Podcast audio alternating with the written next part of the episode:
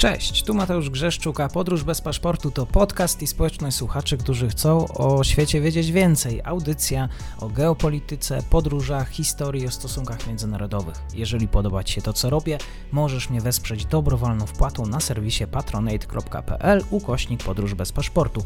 Serdecznie za to dziękuję, bo właśnie dzięki temu mam szansę rozwijać to miejsce. Obserwuj, polub i udostępniaj dalej. Zapinamy pasy, czas na kolejny odcinek podróży. Dzień dobry wszystkim słuchaczom. Pozostajemy nadal w temacie Afganistanu. Dzisiaj troszkę jeszcze od innej strony, a konkretnie temat irański. Moim gościem jest pan Paweł Rakowski, ekspert do spraw Bliskiego Wschodu. Dzień dobry, dziękuję za przyjęcie zaproszenia. Dzień dobry, witam państwa. Przez ostatnie lata do Afganistanu spływała bardzo duża pomoc zagraniczna, jednak jakby to nie pomogło w wydostaniu się z, tego, z tej pułapki, z tych problemów ekonomicznych, z którymi zmagali się Afgańczycy. Chciałbym zapytać, zapytać, bo tutaj wiele się mówi, że Iran może być tym potencjalnym kierunkiem, w którym będą zmierzać sami uchodźcy z Afganistanu.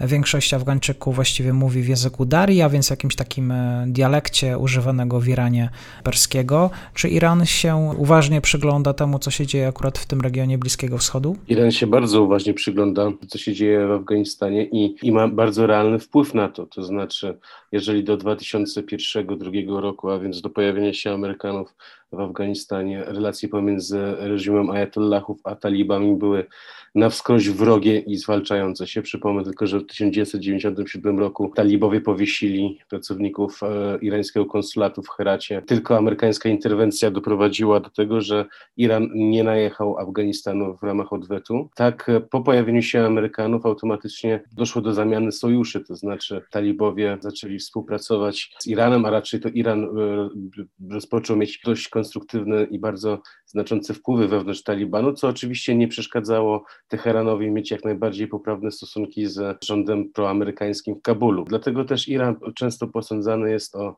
pewnego rodzaju grę dwóch, o, o, dwóch twarzach, jeśli chodzi o politykę względem Afganistanu. Jest to, znaczy jest to bardzo istotne i bardzo widoczne, szczególnie w chwili obecnej. To znaczy, z jednej strony oczywiście w Teheranie się cieszą w związku z ewakuacją amerykańskich wojsk z Afganistanu, ale z drugiej strony jest to taka radość no cóż, która, która ma bardzo dużo wątpliwości. To znaczy, jeżeli Amerykanie byli e, ugrzęźnięci w Afganistanie, jeszcze w Iraku, bo przypominam, że jeszcze w ciągu tego roku czeka nas kolejna e, sensacyjna ewakuacja amerykańskich wojsk Bliskiego Wschodu, tak Iran miał bardzo duże pole manewru i bardzo duże pole oddziaływania na e, politykę względem Waszyngtonu.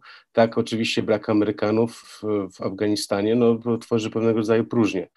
Widzimy, że z jednej strony talibowie, niewątpliwie pod wpływem Iranu, utracili tą swoją retorykę antyszyicką i to jest bardzo konstruktywne z ich strony. Wczoraj przedstawiciele Talibanu byli na obchodach święta szyickiego Ashura w Kabulu, co też jest bardzo znamienne.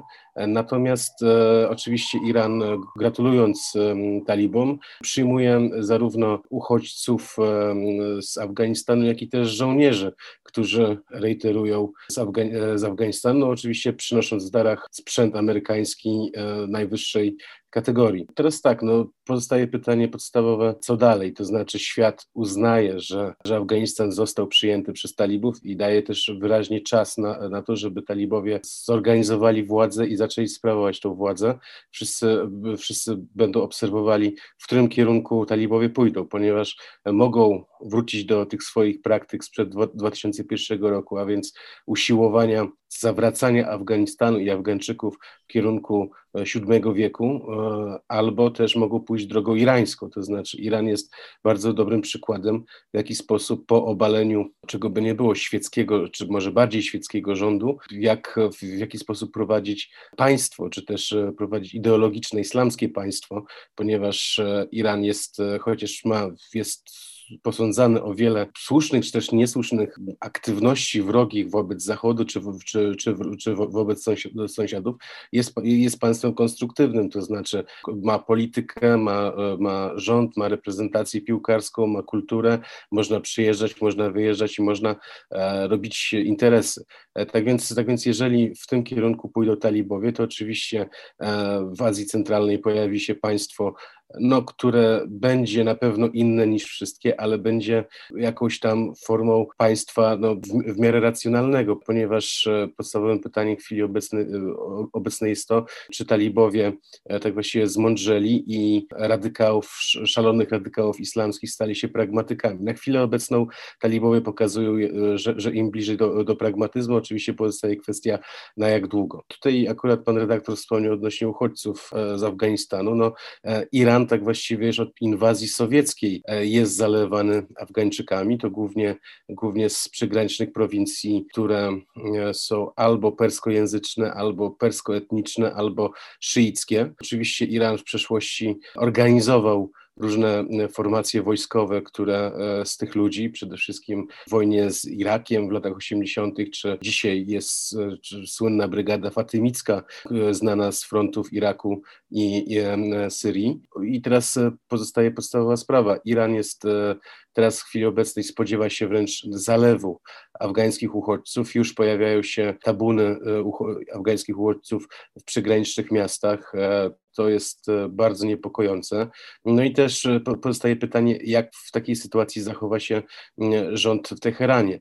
Wiele wskazuje na to, że e, lekcje z lat 2014-15 zostały przeanalizowane w, przez reżim Ayatollahów. Zdaniem części obserwatorów Iran nie będzie przeszkadzał afgańskim uchodźcom wędrówce dalej na zachód przez Turcję e, do Europy. Oczywiście, e, znając, e, znając pewnego rodzaju praktykę bliskowschodnią, pozostaje tylko kwestia ceny. Czy Zachód będzie w stanie wynegocjować odpowiedni haracz, żeby opłacić zarówno prezydenta Erdogana, jak i też prezydenta Raisiego, no to akurat jest bardzo, jest bardzo ważne, jeśli chodzi o najbliższe tygodnie, no ale też niestety pokazuje, w jakiej pułapce znalazła się Europa, że musi rozwiązywać ten problem w, w tak upokarzający sposób. Tutaj już wywołał Pan e, temat e, turecki, stąd jeszcze pytanie, czy akurat e, prezydent Erdogan chce rozmawiać z talibami, talibami o bezpieczeństwie właściwie w regionie. Jak, jakim zdaniem ma Turcja wobec tej sytuacji w Afganistanie? Turcja na pewno jest wielkim beneficjentem tego, że, że Amerykanie opuścili Afganistan. Najlepiej to, najlepiej to pokazują oznaki radości, szczególnie w prowincji Idlib kontrolowanej przez e, fragmencie Syrii kontrolowanej przez Turcję. Tam odbył, odbywają się wielkie parady i wielkie uroczystości związane z przejęciem władzy w Talibanie.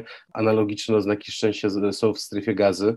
Tak, e, przypominam, że talibowie są bezpośrednio tak jakby połączeni z Katarem albo też z, z katarskim kapitałem, który oczywiście jest jak najbardziej w bardzo, bardzo zażyłych relacjach z Turcją. Patrząc z tej, z tej perspektywy, Turcja ma pewnego rodzaju sukces i to podwójny, to znaczy e, z jednej strony redukcja obecności amerykańskiej w regionie, a z drugiej strony możliwość e, dalszego wpływu na politykę Unii Europejskiej i państw Zachodu. Dziękuję w takim razie za ten komentarz z Bliskiego Wschodu. Moim gościem był pan Paweł Rakowski. Dziękuję serdecznie.